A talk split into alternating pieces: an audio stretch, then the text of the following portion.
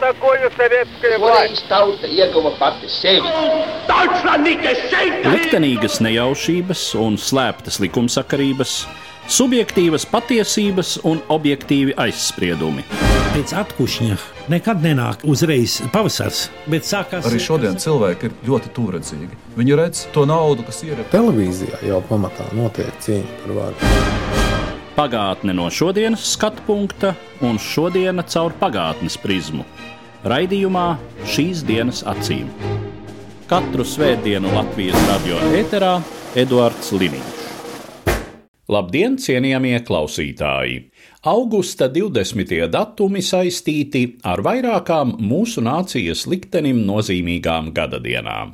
Šodien, 21. augustā, atzīmējam jau 31. gadsimtu kopš 1991. gadā ar Latvijas Republikas augstākās padomes konstitucionālo likumu tika atjaunota mūsu valsts faktiskā neatkarība. Savukārt 23. augustā apritēs 33. gada diena Baltijas ceļa akcijai, tobrīd pasaules vēsturē nebijušai trīs Baltijas tautu demonstrācijai, pieprasot sava neatkarīgā valstiskuma atjaunošanu.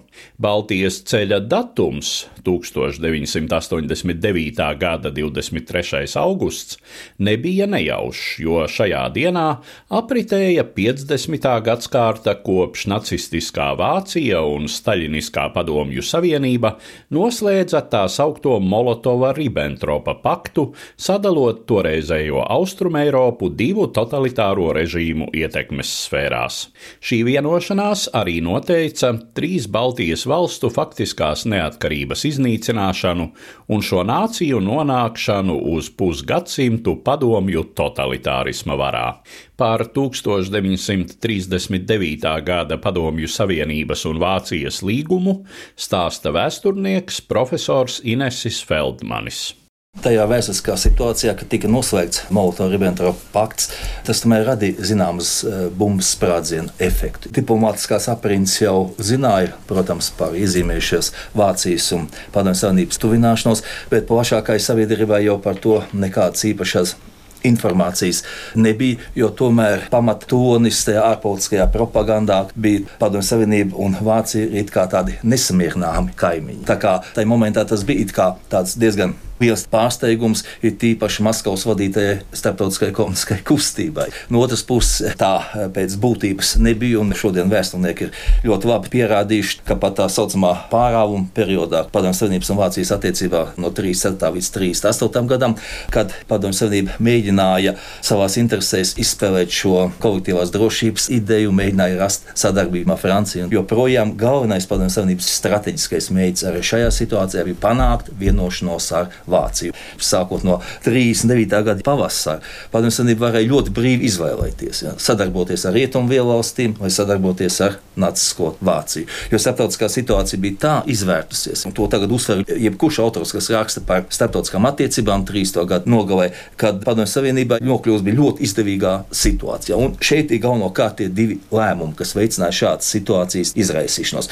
Britu lēmums sākt īstenot tā dēvēto vienpusīgo, es uzsveru, vienpusīgo garantiju politiku, jo Lielbritānija uzreiz uzņēmās vienpusīgas garantijas iepratīm noteiktām Austrum Eiropas valstīm, Polija, Rumānija, vēlāk Grieķija un Turcija, un tad gribēja panākt, lai arī Padomju Savienība uzņemtos garantēt šo valstu. Neatkarību, nu, protams, no lielās politikas viedokļa, un tas ir tāds mazs absurds, un tāpēc jau ļoti daudz autori pasvītro, ka ar savu šo vienpusīgo garantiju politiku Britu premjeras Nevils Čemberlens simtprocentīgi sev izspēlēs Staļina rokās. Viņš vairs neko Staļinam nevarēja piedāvāt. Un otrs, šis neveiksmīgais lēmums ir padomus nevienmēr ļoti izdevīgais.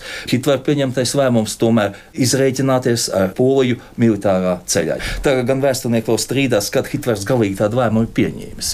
Nu, daļa uzskata, ka jau 39. gada aprīļa sākumā, daļa tagad uzskata, ka maija beigās tikai, bet nu, tam nav praktisks nozīmes. Arī tas Maskavai bija ļoti izdevīgi. Maskava bija nokļuvusi pozīcijā, ko var teikt, ka viņi varēja spēlēt Eiropas arbitra lomu. Ja mēs šo momentu paturam vērā, tad galvenā vaina par Molotov-Ribbentrop paktu, galvenā vaina par Otro pasaules karu jāuzņemas tomēr ir Maskvā. Un trešā lieta, tā laika starptautiskās attiecībās bija iezīmējusies tāda negatīva tendence, ka mazu tautu intereses vairs eh, neuzskatīja par pietiekami nopietnām.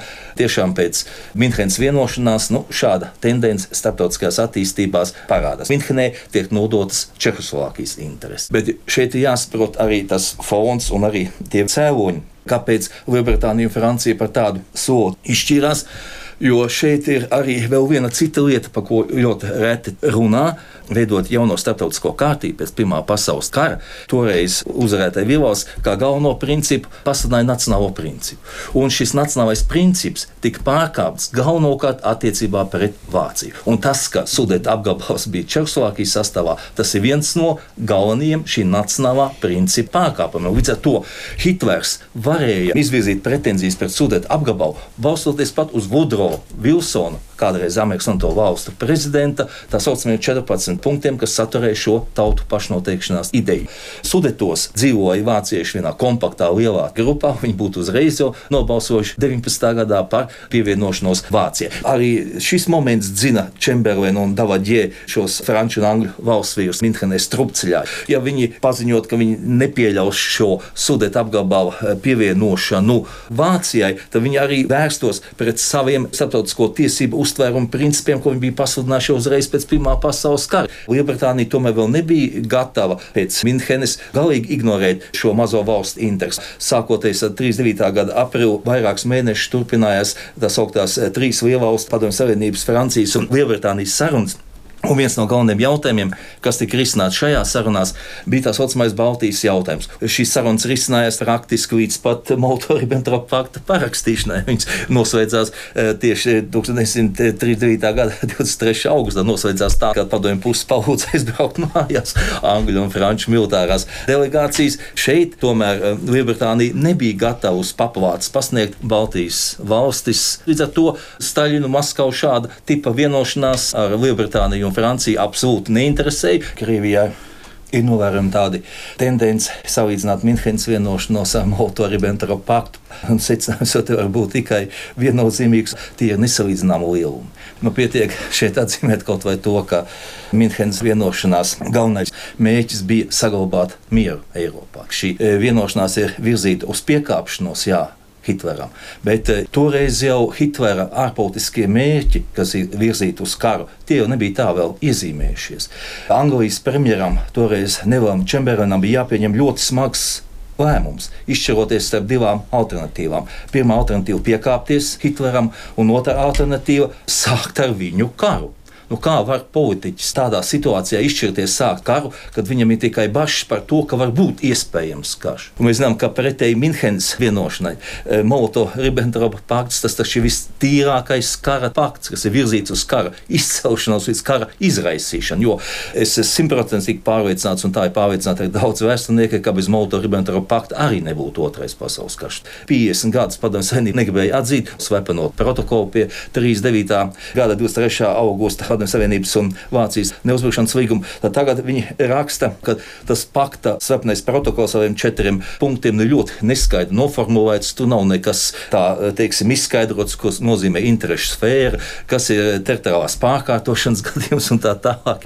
Bet šajā gadījumā aizmirst galveno. Šis protokols deva vienādas tiesības, es uzsveru vienādas tiesības, kā Maskavai, tā Berlīnai sāk karu, lai rastos šis teritoriālais eh, pārkārtošanas gadījums. Vienmēr saka, ka šis pakts deva rīcības brīvību Hitleram karam. Tādu pašu rīcības brīvību karam viņš deva arī Staļinam. Molto-Ribbentrop paktu paraksta valstis, kas ar kara palīdzību grib nodrošināt sev teritoriālu pieaugumu. Minhenes vienošanās tiek noslēgta tomēr no Lielbritānijas un Francijas puses diplomātiem, tomēr domājot 20. gadsimta diplomātijas kategorijās. Bet Molto-Ribbentrop pakts ir noslēgts, piedodiet, domājot 18. gadsimta diplomātijas kategorijās.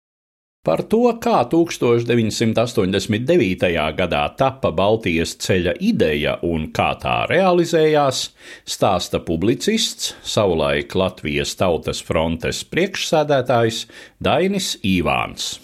89. gada sākumā bija notikušas pirmās puslīdz brīvās vēlēšanas PSRS, kad Gorbačovs pats mēģināja izveidot tādu kā opozīciju komunistiskajai partijai, lai varbūt tiktu galā ar saviem ienaidniekiem, bet nekādā gadījumā, lai nesagrautu padomju sistēmu, sociālismu un komunistisko partiju. Taču tajā pašā laikā šajā lielajā PSRS tautas deputātu kongresā Latvija no 52 deputātiem, no absolūtais vairākums 42 bija Latvijas tautas frontes deputāti vai arī cilvēki, kurus atbalstīja Latvijas tautas fronte, un šī sadarbība notika appusēji. Tas pats bija Igaunijā, kur šis skaits bija vēl lielāks, un Lietuvā. Tātad momentāli jau pēc Restāles deputātu kongresa izveidojās opozīcijas grupa eh, no Baltijas, un arī šīs deputātu grupas izveidošanās bija tāds ilgstošs 88. gada nogalē dibināto tautas kustību, Latvijas tautas frontes, Rahvarine un Sajūdis sadarbības rezultāts. Jau 88. gada nogalē mēs sanācām kopā, kur mēs vienojāmies, ka demokrātijas atjaunošana un valstu neatkarības atgūšana nav iespējama atsevišķi katrai no tolaik PSRS republikām ir jādarbojas kopā. Un jau maija vidū Tallinā notika tā saucamā Baltijas asambleja, kur tad vienojās par to kopējo taktiku Maskavas PSRS tautas deputātu kongresā. Ar Baltiešu un Krievijas demokrātu grupas, kas bija mazākums PSRS tautas deputātu kongresā, tomēr milzīga aktivitāte un argumentācija. Gorbačovs piekrita, ka tik Aleksandra Jakovļeva vadībā izveidota Ribbentrop Molotova pakta izmeklēšanas komisija. Maija beigās, 31. maijā, notika pēc Restāles deputātu kongresa milzīgā lielāka sesija, kur atkal notika šī stīvēšanās par Ribbentrop-Molotova paktu. Un mēs domājam, nu, ko tad darīt tālāk. Pirmkārt, mūsu valde pieņēma lēmumu apspriest jautājumu par pilnīgu neatkarību no Padomju Savienības un radās tā saucamais 31. maija Latvijas Tautas frontes aicinājums, kas vēlāk tika apstiprināts arī Tautas frontes domē. Maskavā sākās pretreakcija, kā augšā tribīnē tāds virsnieks Melnais pulkvedis Viktors Alksnis, Igaunijas interfronts vadonis Kogāns un skaļās balsīs kliedz, ka baltieši ir jāpiežmiec, jo viņi graujot Padomju Savienību. Tad mēs, vadoties pēc šīs Tallinas asamblēja maija lēmuma, nolēmām, ka jūnijā ir jāsanāk pirmajai Baltijas padomē. Tas notika notika jūnijā, 15. jūnijas, man šķiet, Paņevēžā. Igaunijas tautas fronts līderis Edgars Savisārs izvirzīja tādu jautājumu, draugi, mums vajag tādu spilgtu akciju tagad, jo parādīt arī rietumu pasaulē, ka mēs gribam brīvību, mēs nevarētu sadoties rokās lielā garā ķēdē no Tallinas caur Rīgu līdz Viļņai. Un Latvijas tautas frontes doma tūlīt pat sāka kalkulācijas. Un mēs aprēķinājām toreiz, ka Latvijā ir vajadzīgs nu, apmēram pusotru metru vienu cilvēku, tātad mums vajadzēja šo dzīvo spēku izrēķināt. Sarežģītāks jautājums bija, par ko mums vajadzēja būt pārliecinātiem, vai mums izdosies vienoties ar toreizējo Latvijas PSR ministru padomu par transporta plūsmas apturēšanu, bet nu, tajā laikā ministru padomes priekšsēdētājs bija Vilnis Edvins Bress un vietnieks Alfreds Čepāns, arī tāds lietu pārvaldnieks Līcis bija, kuri diezgan tā noteikti atbalstīja Latvijas tautas fronts ideju un solīja, ka viss šis tehniskais nodrošinājums ar autoinspekciju, ceļu un kustības slēgšanu mums tiks sniegts. Tāda darbība bija iekšienē, un darbība bija ar to, lai pievērstu maksimālu pasaules uzmanību. Informācijas centru toreiz vadīja Armija Tēlere, tad, lai būtu pēc iespējas vairāk šo ārzemju žurnālistu Latvijā, jo mēs sapratām, ka tas ir informācijas karš arī, ja, un ka mums ir jāpārspēj Kremlis šajā informācijas karā. Praktiskos pienākumus veica Sandra Kalniete, kura arī izveidoja Tautas frontes praktiskās sagatavošanas darba grupa. Mūsu nodaļa koordinatora Zintra Pededze, Imants Kulinskis, Anita Dūdiņa, Irēna Zicāne, Sarmīta Ēlerte, Jānis Jurkāns, kuram savukārt vajadzēja nodarboties ar vīzu izgādāšanu tiem ārzemju žurnālistiem, diplomātiem, kuri gribēja nokļūt uz Baltijas ceļu, Inns Upmats, Viesturs Kozēls un Artūrs Dudars, kurš bija mūsu saimnieciskais vadītājs. Nu, tāds šis mēnesis pagāja ļoti intensīvi strādājot. Rajona nodaļas nodarbojās ar tautas frontes darbu organizēšanu izmantošanu. Bet Baltijas ceļš iet caur Bauskas rajonu, Rīgas rajonu, Cēs rajonu, un tad caur Valmieras rajonu, caur Unguriņiem aiziet uz Igauniju. Tātad bija jāsaplāno, kuri rajoni palīdzēs šiem četriem rajoniem. Tajā laikā, sevišķi jaunai paudzei, kas klausās, ir jāiedomājas, ka nebija nekāda tīmekļa, pa kuru varēja ātri uzklikšķināt un zināt, kas kur notiek. Kā bija tas telefons arī. Un tad pēdējā notikumu saskaņošana notiek cēsīs, un tam mums visādiem meža ceļiem aizved uz tādu tā kā pirtiņu. Un tur notika visu dienu, no rīta līdz vakaram, notika šī pēdējo tekstu apspriešana, protokoli. Mums bija norunāts, ka pašā atbildīgākajā Baltijas ceļa brīdī, tas pulksten 19. un stundu pirms tam, tātad sākot no 6. Latvijas rādio notiks tiešā translācija. Jo bez kabatas tālruņiem tad mēs varēsim caur Latvijas rādio translāciju koordinēt cilvēku sastāšanos, satiksmes plūsmas regulēšanu, jo visiem rajonu koordinatoriem bija piekodināts ieslēgt radioaparātus automašīnās un organizēt kustību, jo no viņiem tad mums pienāktu ziņas arī, kā notiek šī ceļa izveidošana. Bet 23. augustrīs mums nāca ar ļoti nepatīkamu, nu, būtībā pat šokējošu pārsteigumu, kas uz brīdi mums lika nolaist rokas bezpalīdzībā. Latvijas kompartijas centrāla komitejas ideoloģiskais sekretārs Ivars Česbers piezvanīja un pateica, ka centrāla komiteja aizliedz radiotranslāciju. Ivars Česbers arī bija PSRS tautas deputāts un tā kā nu, tautas fronts atbalstīts, bet no acīm redzot, tas spiediens vai tā iebiedēšana no VDK Un no Maskavas puses ir bijusi tik liela, ka viņš acīm redzot, ir bijis spiests piekāpties, jo rādio bija pakļauts centrāla komitejai. Un mums vajadzēja domāt, ko darīt. Mums bija tautas frontes piecminūšu raidījumi, kad mēs parasti devām vienreiz nedēļā ziņas, kas notiek tautas frontē. Un Normons Beļskis man deva iespēju ierunāt uzrunu cilvēkiem. Šajās desmit minūtēs, kad cilvēki sadosies rokās, jau bija norunāts, ka pirms tam, kad mēs sūtīsim no Tallinas caur Rīgai uz Viļņu, visi šos trīs vārdus - lietuviešu, latviešu, gājiņu, brīvība, vabudūs, laisve - katras tautas kustības līderi runās. Tad Igaunijā runāja Marija Lauristine, Latvijā vajadzēja runāt man, un Lietuvā vajadzēja runāt Vītautam Landsbergam. Gedimina laukumā viņiem notika šis mītīņš, Igaunijā Rāts laukumā savukārt, un Rīgā šis mītīņš notika pie brīvības pieminekļa.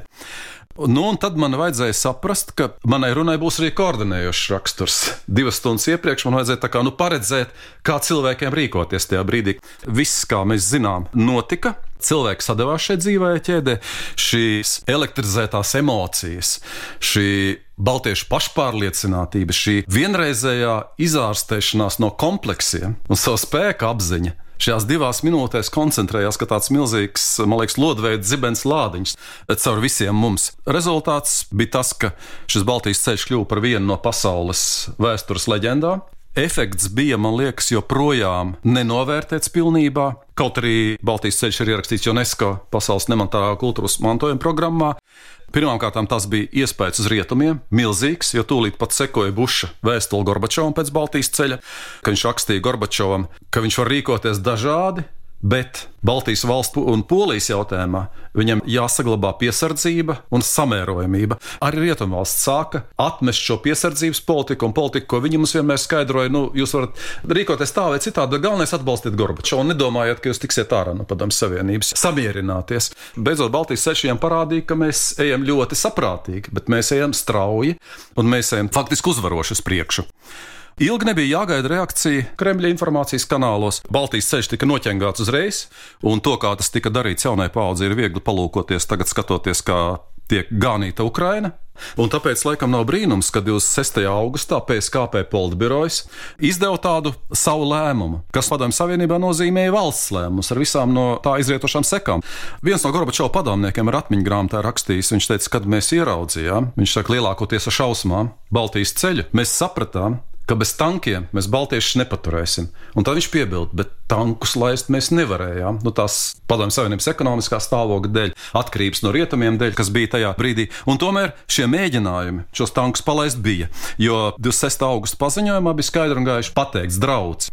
Tā jūs esat pārkāpuši tagad tās robežas, ko mēs jums atļāvām, Un nākošais būs mēs šausim. Mēs sūtīsim jums tankus. Un praktiski bija jau sagatavots tas pats scenārijs, kas Tbilisī 89. aprīlī ja, ievest, izmantot iekšlietu karaspēku, apspiest Baltiešu. Viņi gaidīja tikai iemeslu, vajadzēja vismaz kaut kādu formālu iegānstu, vajadzēja kādu asins izliešanu, un tad, protams, padomju Savienības miera misija šeit būtu klāta tūlīt ar visu. Ar, nu, viņiem nevajadzēja būt klāt 150 tūkstoši okupācijas armijas karaspēka atradās tepat uz vietas, bet viņi nebija gaidījuši atkal straujo tautas kustību reakcija. Jo tūlīt pat šajā pašā dienā, tā bija svētdiena, Mēs tūlīt pat sasaucām Tautas fronts mājā visas tajā laikā Latvijā esošos PSRS tautas deputātus. Tie bija šķiet 22 un 24 toreiz Latvijas PSR deputātus, kuri bija gatavi atbalstīt Latvijas tautas fronti. Un uzrakstījām kopēju paziņojumu, kur rakstījām, ka mūsu centieniem un mūsu izturībai, mūsu brīvības mīlestībai šodien pienāks pārbaudas stunda. Arī 1991. gada 23. augustā bija plānota līdzīga akcija, savienojot trīs Baltijas galvaspilsētas ar ugunskura ķēdi. Tomēr tai gadā augusta dienas izvērtās gluži negaidītas. 19. augustā pasauli aplidoja ziņa, ka toreizējā Padomju Savienībā notiek valsts apvērsums. Varu mēģina pārņemt konservatīvi no noskaņotu darboņu grupa. Šī puča izgāšanās ievadīja toreizējās Padomju Savienības sabrukuma finālu. Par 1991. gada augusta notikumiem vēsturniece Latvijas Universitātes Latvijas Vēstures institūta vadošā pētniece Daina Blējere un publicists Dainis Īvāns. Es domāju, kopš 91. gada janvāra, un, un nemaza nozīme šajā ziņā, protams, ir barikāžu laikam Baltijā. Un viņas notikumiem bija skaidrs, ka Padomju Savienība ir uz sabrukuma sliekšņa. To jau parādīja tā saucamā jaunā Savienības līguma sagatavošanas gaita. Ar katru variantu šī savienība kļuva konfederatīvāka, tāda izplūdušāka. Uz 20. augustu bija nolikta jaunā savienības līguma parakstīšana.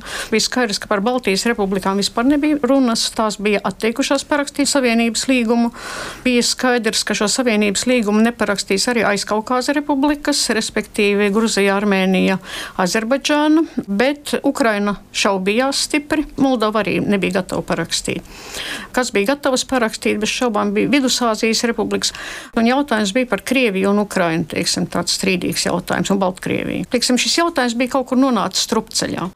Jo no Gorbačova viedokļa Viņš uzskatīja, ka Savienības līgums ir jāparaksta un ka tajā jāpiedalās visām 15 republikām, tajā skaitā arī Baltijas republikām. Cerēja, ka kaut kādā veidā tās var iedabūt iekšā šajā līgumā. Tajā pašā laikā pieauga konfrontācijas starp Gorbačovu un Jeļcinu. Jeļcins guva arvien vairāk uzvaras un, teiksim, ja saka, ka Gorbačova politika, nu, vismaz kopš 89. gada bija drīzāk reaktīva nekā proaktīva, varētu teikt, ka viņš arvien vairāk zaudēja kontroli pār situāciju. 91 gada vasarā. Trešā lieta bija tā, ka arī pieauga ārkārtīgi tās nomenklatūras daļas, kura bija par Padomju Savienības saglabāšanu, neapmierinātība, protams, ne tikai ar Jeļcinu, bet arī pirmkārt ar Gorbačovu pašu, jo viņi uzskatīja, ka Gorbačovs nav attaisnojis uz viņa liktās cerības, un Gorbačovs personīgi nebija spējīgs šādu risinājumu rast. Un pučs varbūt zināmā mērā bija tāds mēģinājums atrast kaut kādu izēju no šīs trupceļa, kas norādītu arī uz to, ka faktiski Gorbačovs, ja arī nebija tieši iesaistīts šajā pučā, tad vismaz katrā ziņā viņš kaut ko nojauta tauta zināja, un varbūt viņš vienkārši atstāja iespēju notikumiem ritēt savu gaitu, un tad jau kaut kāda stabilitāte tiktu ieviesta, varbūt, un tad viņš varētu parādīties atkal kā tāds demokrātijas un stabilitātes garants rietumu acīs. Viss šis pasākums šķietās diezgan dīvains, jo vienmēr tādā pučā vienmēr ir centrālā figūra. Ja šeit ir kā šīs centrālās figūras trūkst. Viņu programma bija atgriezties atpakaļ Padomju Savienībā, kas principā šajā brīdī ne tikai demokrātiskos spēkus, spēkus, bet arī ļoti daudz cilvēku Krievijā nespēja nekādā ziņā iedvesmot. Arī tos, kas bija no citām pozīcijām, kas bija liksim, monarhisti vai nekomunistiski autoritārismu piekritēji. Un es domāju, ka Padomju Savienība patiesībā bija jau mirusi. Atšķirība augusta pučam.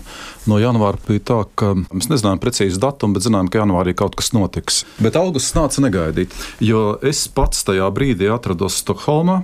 Nākošā rītā mēs atgriezāmies dažādos veidos ar Kopenhāgenu, ar lidmašīnu, neiekļaujot manu vārdu pasažieru sarakstā. Tajā brīdī jau pučisti bija ņēmuši vismaz Rīgā Baltijas kara apgabals un tās drošības spēku struktūras, visas tās kļūdas, ko viņi bija pieļāvuši janvārī. Jo momentāli mums nezinot un negaidīt, bija bloķētas galvenās pieejas, visi tilti, bija atslēgti sakaru līdzekļi. Šajā ziņā viņi bija nostrādājuši daudz precīzāk nekā tas bija janvārī. Tiešām bija tā, ka notikumi jau izšķīrās Maskavā. Mēs bijām spiesti gaidīt, tāpēc arī atgriezāmies 20 augusta rītā Latvijā un iedams augstākā padomē, ieraudzīju tādu diezgan šļauganu ainu. Deputāti, kuri bija visu nakti pavadījuši gāzmaskām, augstākās padomas sēkā. Nu, vienkārši bija tādi noguruši, apjukuši, jo mēs neko nezinām, kas notiek apkārt. Ielās ir kā mierīgi, neviens neko nezina, uz tiltiem stāv bruņu transportieri. Tad mēs sākām organizēt gan ikdienas mītīņus Jēkabā laukumā pie arsenāla sienas, eh, gan arī mītīņus pie brīvības pieminekļa. Varbūt tā lielākā mūsu rīcība bija, ka Latvijā augstākā padomē padome pieņem lēmumu par politisko ģenerālstreiku. Tas respektīvi tajā brīdī, kad pučisti mēģina realizēt savu valsts varu, šo varu izgāzt ar absolūtu bezdarbību un ekonomisko pasivitāti, ka viss apstājas. Ja? Tāpēc jau arī nekustās sabiedriskais transports, tāpēc nedarbojas rūpnīcas, tāpēc ir tukši veikali. No šajās dienās, nu, sevišķi mūsu vietējās nodaļas, sāk aktīvi veidot šīs streika komitejas dažādās uh, rūpniecības uzņēmumos. Šādu pašu ģenerālu streiku, cik es atceros, izsludināja arī Krievija. Ja? Tas nozīmē pilnīgu PSRS dzīves paralīzi, un es domāju, ka varbūt arī pirmajā momentā šis masveidīgais, uh, būtībā pat pasīvās pretošanās vilnis, kas vēlās pretī pučistiem, tas viņus arī nobiedēja. Tādi kā Rubiks bija noteikti gatavi laist uh, uz ielām tankus. Vismaz tā Gorbačovs mums pasniedz šīs viņa aktivitātes.